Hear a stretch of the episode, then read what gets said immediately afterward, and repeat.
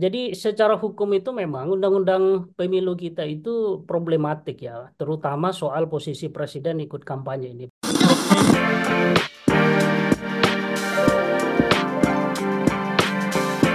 Hai sahabat TCID, kalian sedang mendengarkan podcast Suara Akademia.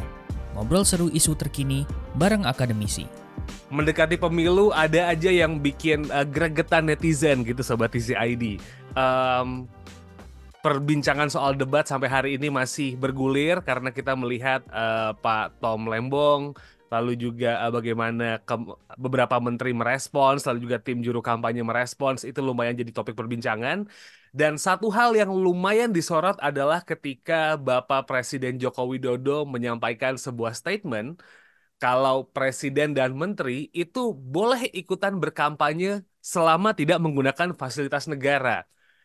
Obrolannya langsung ke mana-mana gitu ya. Banyak um, ahli politik, ahli hukum tata negara, tata negara ber, uh, apa ya berkomentar mengenai statement Pak Jokowi sampai di hari Jumat tanggal 26 Januari 2024 Pak Jokowi melakukan konferensi pers lagi untuk menjelaskan statement tersebut dan menjelaskan undang-undangnya seperti apa. Um, sampai hari ini, sampai di saat kita rekaman Suara Akademia episode uh, 143, diskusinya masih berlanjut, so we gonna talk about it gitu ya, dari sudut hukum tata negara gitu. Sebenarnya ini seperti apa ya kan? Dan di episode kali ini kita bakal ngobrol bareng sama Pak Jamaluddin Gafur beliau adalah dosen hukum tata negara Universitas Islam Indonesia yang ada di Yogyakarta. Halo Pak Jamal. Apa kabar Pak? Halo Syarif. Alhamdulillah kabar baik ini. Oke okay, nice to know it. Pak Jamal kita nge-refer ke sebelum tanggal 26 kali ya di hari yeah. ketika statement itu keluar Pak Jokowi menyampaikan uh, sebuah pernyataan yang lumayan bikin panas gitu. Presiden boleh sebenarnya, menteri boleh sebenarnya untuk berkampanye selama tidak menggunakan fasilitas negara. Disampaikan mm -hmm. di belakang anggota tentara, ada mm -hmm. menteri di situ, dan ada beberapa pesawat di belakangnya nih Pak. Mungkin pengen tahu dan pendapat Pak Jamal dulu ketika. Juga. Gimana Pak? Ada salah satu capres juga waktu itu. Nah iya, menteri yang jadi capres ya. gitu. Gimana nih Pak Jamal ngelihat um, tanda-tanda dan statement itu tuh? Ya, ini sebenarnya apa uh, perdebatan lama yang gemuk soal bagaimana pejabat negara itu tidak hanya dia harus patuh terhadap hukum sebenarnya, tapi juga harus patuh terhadap etika bernegara. Dan problematika ini kan sudah menjadi persoalan sejak proses pendaftaran uh, calon presiden dan wakil presiden ya, karena kita tahu bersama salah satu calon wakil presiden itu dicalonkan berdasarkan satu putusan Mahkamah Konstitusi yang di kemudian hari terbukti uh, apa bermasalah secara moral gitu ya, karena sembilan hakim Mahkamah Konstitusi itu dinyatakan melanggar kode etik dan salah satunya ketuanya bahkan pelanggarannya adalah masuk pelanggaran etik berat. Nah, apa yang disampaikan oleh Pak Presiden bahwa beliau uh, secara politik uh, dilindungi haknya secara hukum untuk juga bisa berkampanye uh, itu memang betul begitu ya di dalam undang-undang pemilu kita itu memperbolehkan gitu ya. Cuman uh, yang perlu publik tahu adalah begini kebolehan presiden untuk ikut terlibat dalam aktivitas kampanye itu sebenarnya awalnya uh, berkaitan dengan uh, apa namanya pilpres yang diikuti oleh calon incumbent. Mm-hmm. Jadi kalau ada orang dia sedang jadi presiden, lalu mau maju di periode kedua, nah ini kalau kepala negara dilarang, tentu dia sebagai calon presiden di periode kedua nggak punya hak untuk kampanye, begitu ya. Okay. Jadi secara prinsip sebenarnya kepala negara itu nggak boleh memihak karena dia adalah pimpinan negara yang harus berada di atas kaki Indonesia, gitu ya. Nah, sehingga filosofi presiden dan wakil presiden boleh kampanye mestinya jadi peserta pemilu, yaitu di periode kedua, begitu ya. Artinya kalau presiden dan wakil presiden ini tidak sedang menjadi peserta pemilu, ya mestinya menahan diri untuk tidak terlibat dukung-mendukung, gitu ya. Karena tadi bahwa presiden itu posisinya adalah kepala negara dan kepala pemerintahan. Sehingga hmm. ketika dia terlibat dukung mendukung itu kan maknanya yang ingin dia layani itu hanya segelintir masyarakat gitu ya, hanya golongan tertentu dan itu menurut saya tidak boleh. Nah, etika ini yang menurut saya gagal dipahami oleh Pak Jokowi sebagai kepala negara dan kepala pemerintahan gitu ya. Nah, memang tadi eh, secara aturan nggak masalah, cuman bernegara itu kan tidak cukup aturan, perlu ada etika. Kenapa ada etika? Karena hukum itu sebenarnya hanya mempositifkan ajaran-ajaran etika gitu ya. Jadi Hmm. etika eh, kebaikan yang ada di masyarakat agar dia tidak mudah dilanggar oleh orang, maka dia lalu diberi baju hukum. Agar kalau orang melanggar itu nanti ada eh, sanksinya. Karena kalau hanya sekedar etika kan nggak ada sanksinya. Ya. Nah, cuman catatannya tidak semua etika kehidupan ini kan eh, ada baju hukumnya. Sebagian masih dibiarkan dia menjadi ajaran etika. Nah, sebagai kepala negara dan kepala pemerintahan mestinya menyadari itu begitu ya bahwa dalam bernegara itu pejabat dia di satu sisi harus tunduk pada prinsip rule of law begitu ya negara hukum dan yang kedua adalah rule of ethic. Makanya eh, penyelenggara negara itu diikat oleh dua hal itu. Jadi satu diikat oleh hukum, yang kedua diikat oleh norma-norma etika. Makanya lalu ada etika penyelenggaraan negara bahkan itu diatur di dalam uh, TAP MPR Pak Syarif Hmm. begitu ya soal etika bernegara itu bagaimana dia tidak boleh uh, salah satunya di TAP MPR itu diatur tidak boleh berperilaku uh, nepotisme begitu ya menguntungkan orang-orang tertentu. Nah ini yang menurut saya uh, tidak dipahami oleh presiden kita. Jadi beliau terlalu normatif dengan undang-undang yang pada akhirnya membuat blunder begitu sehingga beliau harus mengadakan konferensi pers kedua begitu ya untuk menjelaskan lebih jauh apa sebenarnya makna dari statement beliau sebelumnya. Saya kira karena itu sebagai respon atas apa dampak negatif uh, dari publik begitu ya atas pernyataan beliau sebelumnya. Nah, mestinya ini tidak terjadi dalam konteks negara kita gitu. Oke. Kegagalan menerjemahkan bahasa hukum oleh presiden dong Pak pada akhirnya permasalahan yang em, apa ya lumayan ramai diperbincangkan di akhir bulan Januari mendekati masa pencoblosan tuh ini inti masalahnya dong kalau kurang lebih kalau ngelihat situasi Ya, secara umum ya. ya, jadi secara hukum itu memang undang-undang pemilu kita itu problematik ya, terutama soal posisi presiden ikut kampanye ini. Problematiknya itu begini, di dalam pasal 281 kalau tidak salah, itu kan presiden diberi pengecualian.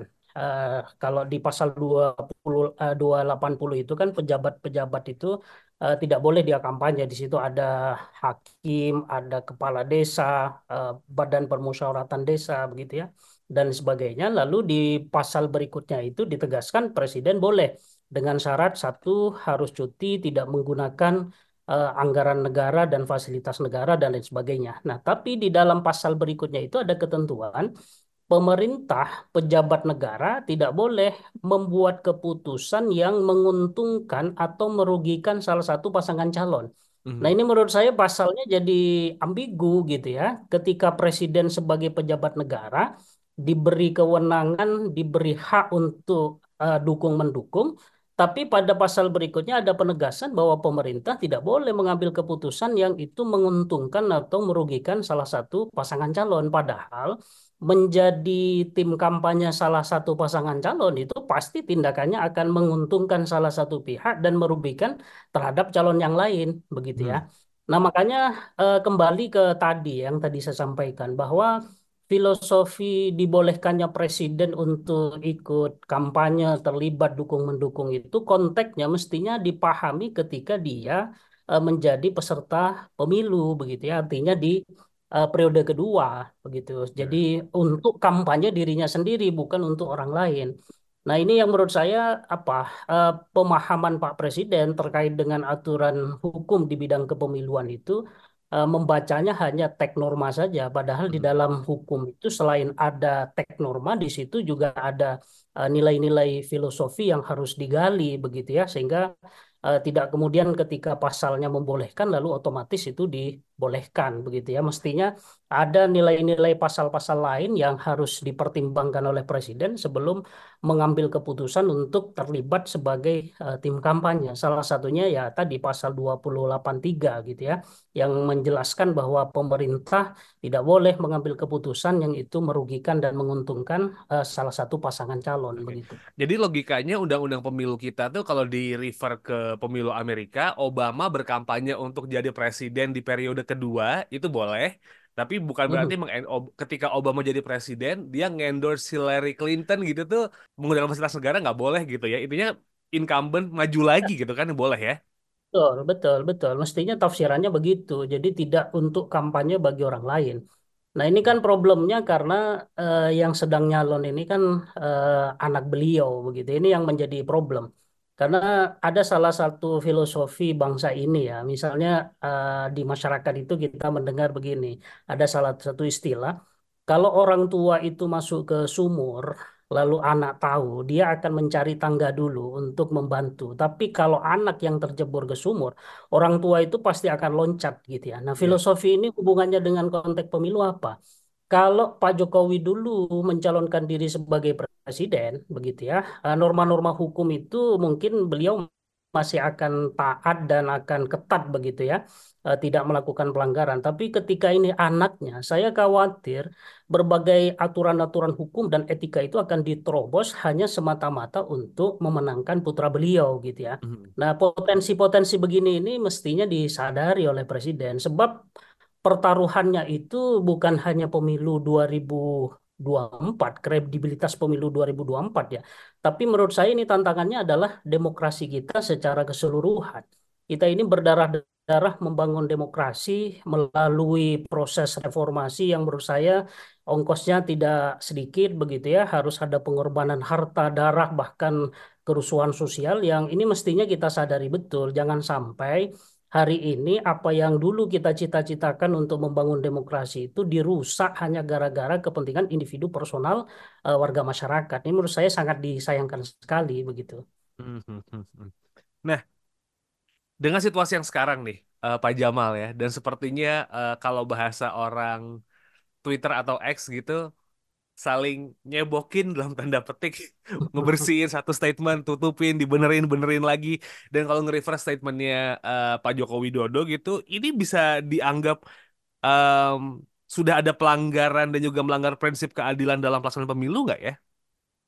Iya, itu jelas sekali begitu ya. Karena begini, kepala negara ini kan punya tanggung jawab eh, dalam konteks pemilu itu memastikan agar pelaksanaan pemilu ini selaras dengan amanat konstitusi. Apa amanatnya? Satu, dia harus terlaksana dengan jujur, adil, berintegritas begitu ya. Nah, bagaimana mungkin kepala negara dan kepala pemerintahan itu bisa menjaga norma-norma konstitusi terkait pemilu tadi kalau beliau sendiri posisinya sedang memihak kepada salah satu pasangan calon? Ya. Jadi pemihakan ini menurut saya tidak mungkin akan melahirkan keputusan-keputusan yang adil dan bijaksana. Itu sudah rumus begitu ya, sudah rumus. Makanya kenapa ASN itu dilarang dia ikut terlibat eh, dukung-mendukung, dia harus netral. Ya karena dia apa namanya fungsinya adalah memberi pelayanan terhadap publik kepada masyarakat secara luas begitu ya. Jangan sampai preferensi politiknya itu menyebabkan eh, pelayanan terhadap masyarakat ini menjadi bermasalah begitu ya. Nah, saya kira presiden sebagai kepala negara yang menjadi atasan dari seluruh pejabat negara begitu ya, apakah itu ASN, TNI dan Polri, eh, lalu kemudian apa namanya pejabat-pejabat negara lainnya begitu ya, yang menurut peraturan perundang-undangan diharuskan untuk netral. Nah, mestinya presiden sebagai apa pejabat tertinggi di bidang eksekutif memberi teladan dan memberi contoh tentang eh, pentingnya netralitas itu. Kan jadi apa namanya? Jadi bingung kita ini eh, ketika AS sekelas ASN diminta untuk netral tapi pimpinannya boleh memihak begitu ya. Ya. Nah, ini logika yang keliru menurut saya, begitu ya. Bagaimana mungkin anak buah dipaksa untuk berbuat A, tetapi pimpinan berbuatnya B, begitu ya. Ini kan tidak selaras, begitu ya. Tidak me, apa, tidak eh, merepresentasikan nilai-nilai etika dan nilai-nilai keluhuran bangsa kita, di mana pejabat tertinggi mestinya memberi teladan yang baik. Jadi kalau bawahannya harus netral, mestinya itu harus diawali dari contoh yang baik eh, dari pimpinannya. Eh, saya kira begitu, Mas. Nah, mungkin penjabaran pasal nih, Pak Jamal gitu. Karena perbincangan di luar adalah soal Undang-Undang Dasar, lalu juga ada pasal 280 dan pasal 281 Undang-Undang Pemilu gitu, yang akhirnya jadi apa ya? Jadi diskusi lah di di masyarakat gitu. Mungkin gambaran dasar tadi Pak Jamal udah sempat kasih tahu bahwa presiden itu sebenarnya boleh berkampanye tapi asal tidak menggunakan fasilitas negara dan itu yang selalu di apa ya dilemparkan gitu narasinya ketika Pak Presiden pun em, menjabarkan di yang pertama kali bahkan di konferensi pers. Sebenarnya itu gambarannya seperti apa sih penggunaan fasilitas negara terus juga boleh apakah memang ada perbedaan definisi gitu Pak antara hak berpolitik sama hak berkampanye seorang presiden yang dilihat sebagai kepala negara dan juga sebagai warga negara gitu. Iya, jadi batasan-batasan bagi presiden untuk kampanye salah satunya dia tidak boleh menggunakan fasilitas negara gitu ya. Itu secara normatif aturan eh, bagus gitu, tapi dalam tataran praktek menurut saya sulit bisa dilaksanakan. Kenapa begitu? Karena eh, presiden ini kan dia punya anak buah gitu ya. Ya. Eh, dia punya anak buah. Bisa saja presiden ini ketika dia mau kampanye dia cuti, dia tidak menggunakan fasilitas negara oleh dirinya sendiri, tapi siapa yang bisa mengontrol bahwa beliau tidak memberikan perintah-perintah dan instruksi tertentu kepada bawahannya yang kebetulan sedang memegang posisi jabatan dalam pemerintahan? Itu kan nggak bisa dikontrol. Eh, kalau presiden sebagai pribadi bisa saja mungkin tidak menggunakan fasilitas negara, begitu. Tapi kan bisa saja beliau memerintahkan, begitu ya, secara informal kepada menteri-menterinya, bahkan mungkin juga kepada TNI dan Polri yang di dalam Undang-Undang Pemilu kita jelas-jelas mengatakan Polri itu bukan hanya sekedar netral, bahkan dua institusi ini sejak reformasi sampai hari ini nggak punya hak pilih. Jadi dia eh, tidak boleh ikut terlibat memilih begitu ya. Se ekstrim itu karena memang kita ingin melindungi demokrasi ini jangan, jangan sampai seperti kejadian Orde Baru dulu di mana kekuatan tentara ini dipakai untuk menghancurkan demokrasi kita. Ini kan ngeri sekali. Apalagi tadi disampaikan di awal bahwa pernyataan Pak Jokowi yang menyatakan beliau secara hukum berhak dan eh, punya apa namanya hak untuk berkampanye disampaikan di dalam satu kegiatan yang di situ kegiatan TNI dan Polri begitu. Ini kan menurut saya bahaya sekali. Jadi eh, secara normatif itu eh, bagus-bagus saja begitu, tapi aplikasinya kan saya tidak yakin itu akan terjadi di mana penggunaan fasilitas negara itu tidak akan digunakan gitu ya ketika presiden dia punya kewenangan, punya hak untuk menginstruksikan bawahan-bawahannya eh, untuk melakukan hal apa saja demi eh, mendukung pasangan calon tertentu gitu ya. Hmm. Sehingga bagi saya untuk kemaslahatan bangsa dan negara serta demokrasi dan pemilu kita Ya, sebaiknya presiden kita ini punya jiwa kenegarawanan lah begitu ya. Jadi jangan sampai hanya untuk kepentingan pribadi dan keluarga lalu eh, apa mengorbankan kepentingan bangsa dan negara. Terlalu mahal menurut saya eh, apa namanya biaya yang harus dikorbankan ketika Pak Jokowi memutuskan untuk memihak salah satu pasangan calon ini. Ah, lumayan menarik nih Pak kalau misalnya kita mau lebih ber, eh, lebih dalam lagi gitu. Karena ketika ini sudah em, mungkin sifatnya kalau pelanggaran masih terlalu susah untuk dibuktikan ya Pak ya. Eh, kecurangan-kecurangan pemilu kalau misalnya situasi begini ya. Karena secara Ya, normatif em, undang-undangnya memperbolehkan dalam tanda petik meskipun penjabarannya belum clear ya, tapi ya eh, bakal prosesnya bakal lebih lama lagi gitu. So penyalahgunaan hak berpolitik dan hak untuk berkampanye seorang presiden dan juga melepaskan title-nya sebagai eh, kepala negara jadi warga negara biasa ini nih yang jadi eh, masalah gitu. Bisa disimpulkan kita di situ ya Pak ya situasinya ya akhirnya ya. Atau mungkin salah ya. anu lah, salah tafsir aja lah gitu ya. Iya, salah tafsir dan tidak memahami spirit undang-undang itu secara utuh. Sama dengan inilah, saya kasih ilustrasi. Dulu ketika di awal-awal pemilu kan ada perdebatan soal eh, kalau presiden, seseorang sudah jadi presiden, begitu ya, dua periode, boleh nggak dia nyalon di periode ketiga sebagai wakil presiden, gitu ya. Di Ya. konstitusi itu yang tidak boleh kan kalau orang menduduki jabatan yang sama. Jadi kalau Hmm. sudah wapres dua kali, lalu ketiga mau jadi capres, dia boleh. Lalu sebaliknya pertanyaannya kalau dia jadi presiden lalu mau jadi wakil presiden boleh nggak? Kalau secara apa, aturan normatif boleh. Cuman kalau kita baca secara keseluruhan spirit dalam konstitusi nanti kesimpulannya menjadi tidak boleh. Kenapa tidak boleh? Karena di dalam konstitusi itu ada pasal yang mengatakan kalau pre wakil eh, presidennya itu berhalangan tetap, nanti yang akan naik ke dalam jabatan presiden yang ditinggalkan itu adalah wakil presidennya. Nah, sehingga seseorang yang sudah menjadi presiden dua periode, dia nggak boleh nyalon wakil presiden karena ada potensi secara hukum dia akan menduduki jabatan presiden kalau presidennya berhalangan. Nah, ini saya kira juga sama dengan soal uh, kampanye presiden ini, begitu ya. Jadi sekalipun undang-undang menyatakan presiden itu boleh berkampanye, mestinya itu hanya dipahami dalam konteks ketika presiden ini sedang menjadi peserta pemilu Ya. gitu ya menjadi peserta pemilu bukan ditafsirkan untuk mengkampanyekan orang lain. Nah, ini karena eh, konsekuensinya nanti menjadi apa namanya eh, hukum ini menjadi problematik. Problematiknya selain apa yang tadi saya sampaikan, Mas. Misalnya nanti presiden nih melakukan pelanggaran-pelanggaran hukum di bidang kepemiluan ya.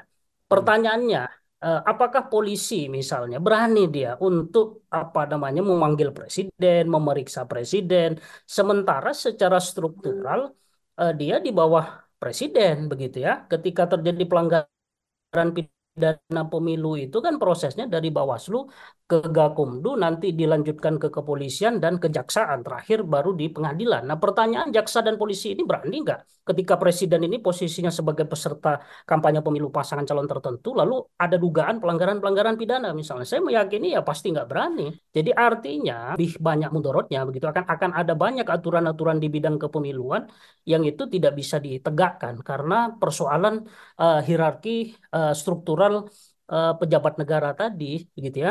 Karena ketika presidennya yang melakukan pelanggaran kan nggak mungkin Kapolri itu memanggil, gitu, kan pasti dipecat ya. Nah ini problem-problem.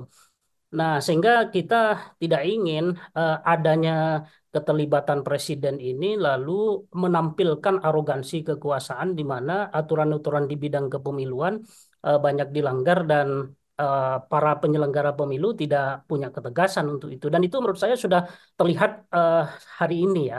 Bagaimana uh, pernyataan presiden yang menyatakan boleh berkampanye itu ditentang keras oleh publik, tetapi kita belum mendengar pernyataan penentangan keras itu dari penyelenggara pemilu, gitu ya, Ya. termasuk dari Bawaslu sebagai badan pengawas pemilu. Mestinya menurut saya Bawaslu itu bersuara gitu ya. Apa sih eh, potensi-potensi buruk ketika seorang kepala negara itu ikut terlibat dalam proses kontestasi eh, pemilu ini? Mestinya kan mengingatkan, walaupun tadi sekali lagi eh, secara normatifnya memang ada peluang presiden itu untuk ikut terlibat kampanye, tapi nggak ada salahnya Bawaslu itu mengingatkan potensi-potensi eh, buruk yang bisa terjadi kalau presiden ini ikut cawe-cawe. Tapi kita tidak melihat itu komentar-komentar yang tegas begitu dari penyelenggara pemilu. Ini sekali lagi menunjukkan kalau ada semacam perasaan inferior begitu ya di Ya.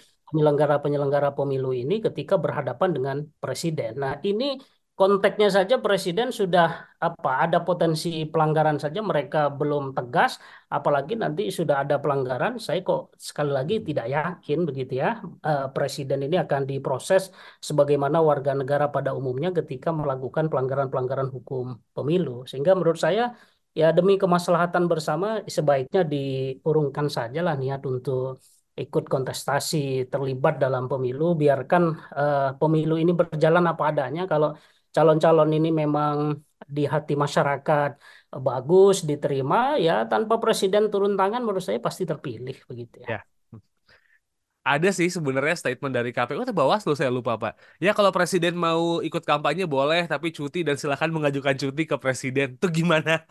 Ya, jadi jadi sangat normatif sekali menurut Ya. saya. Mestinya kan diingatkan bahwa apa sih potensi-potensi buruknya sehingga eh, dengan diingatkan seperti itu harapannya kan presiden akan menahan diri.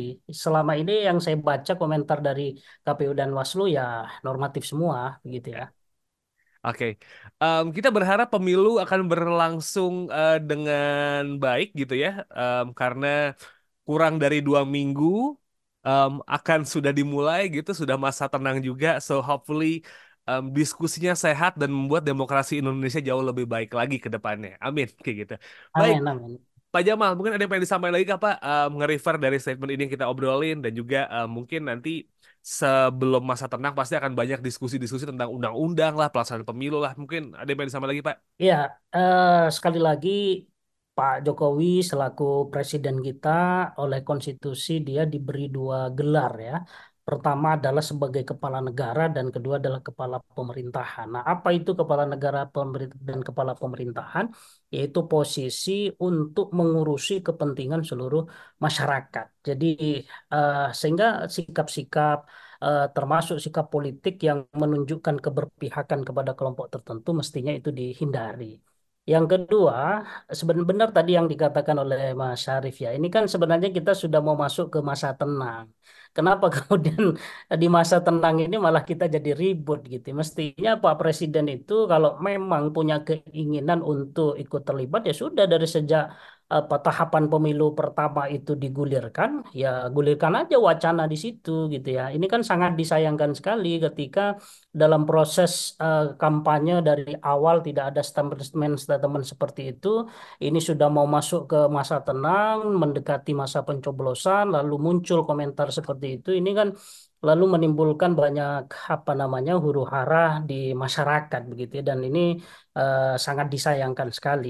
Nah, saya sebagai warga negara berharap uh, demi sehatnya demokrasi dan pemilu ya apa namanya ditahanlah untuk tidak memihak kepada salah satu pasangan calon agar ya apa pun hasil pemilu nanti bisa diterima secara lapang dada oleh masyarakat. Saya khawatir nanti ketika kita sudah menyelenggarakan pemilu begitu ya, eh, anggaran negara sangat besar, tapi hasilnya tidak diterima oleh masyarakat. Itu kan sangat eh, apa kita sesalkan. Nah, mudah-mudahan tidak terjadi begitu. Kita berharap siapa pun pemenang pemilu, rakyat nanti bisa menerima tanpa ada lagi gugatan-gugatan eh, apa namanya yang dianggap bermasalah secara hukum, secara etika. Jadi cukup sajalah drama soal pencapresan dan cawapres kemarin itu menjadi polemik secara hukum dan etika dan jangan lagi diulangi pelanggaran-pelanggaran yang sama untuk uh, pemilu yang akan kita laksanakan tanggal 14 Februari besok begitu.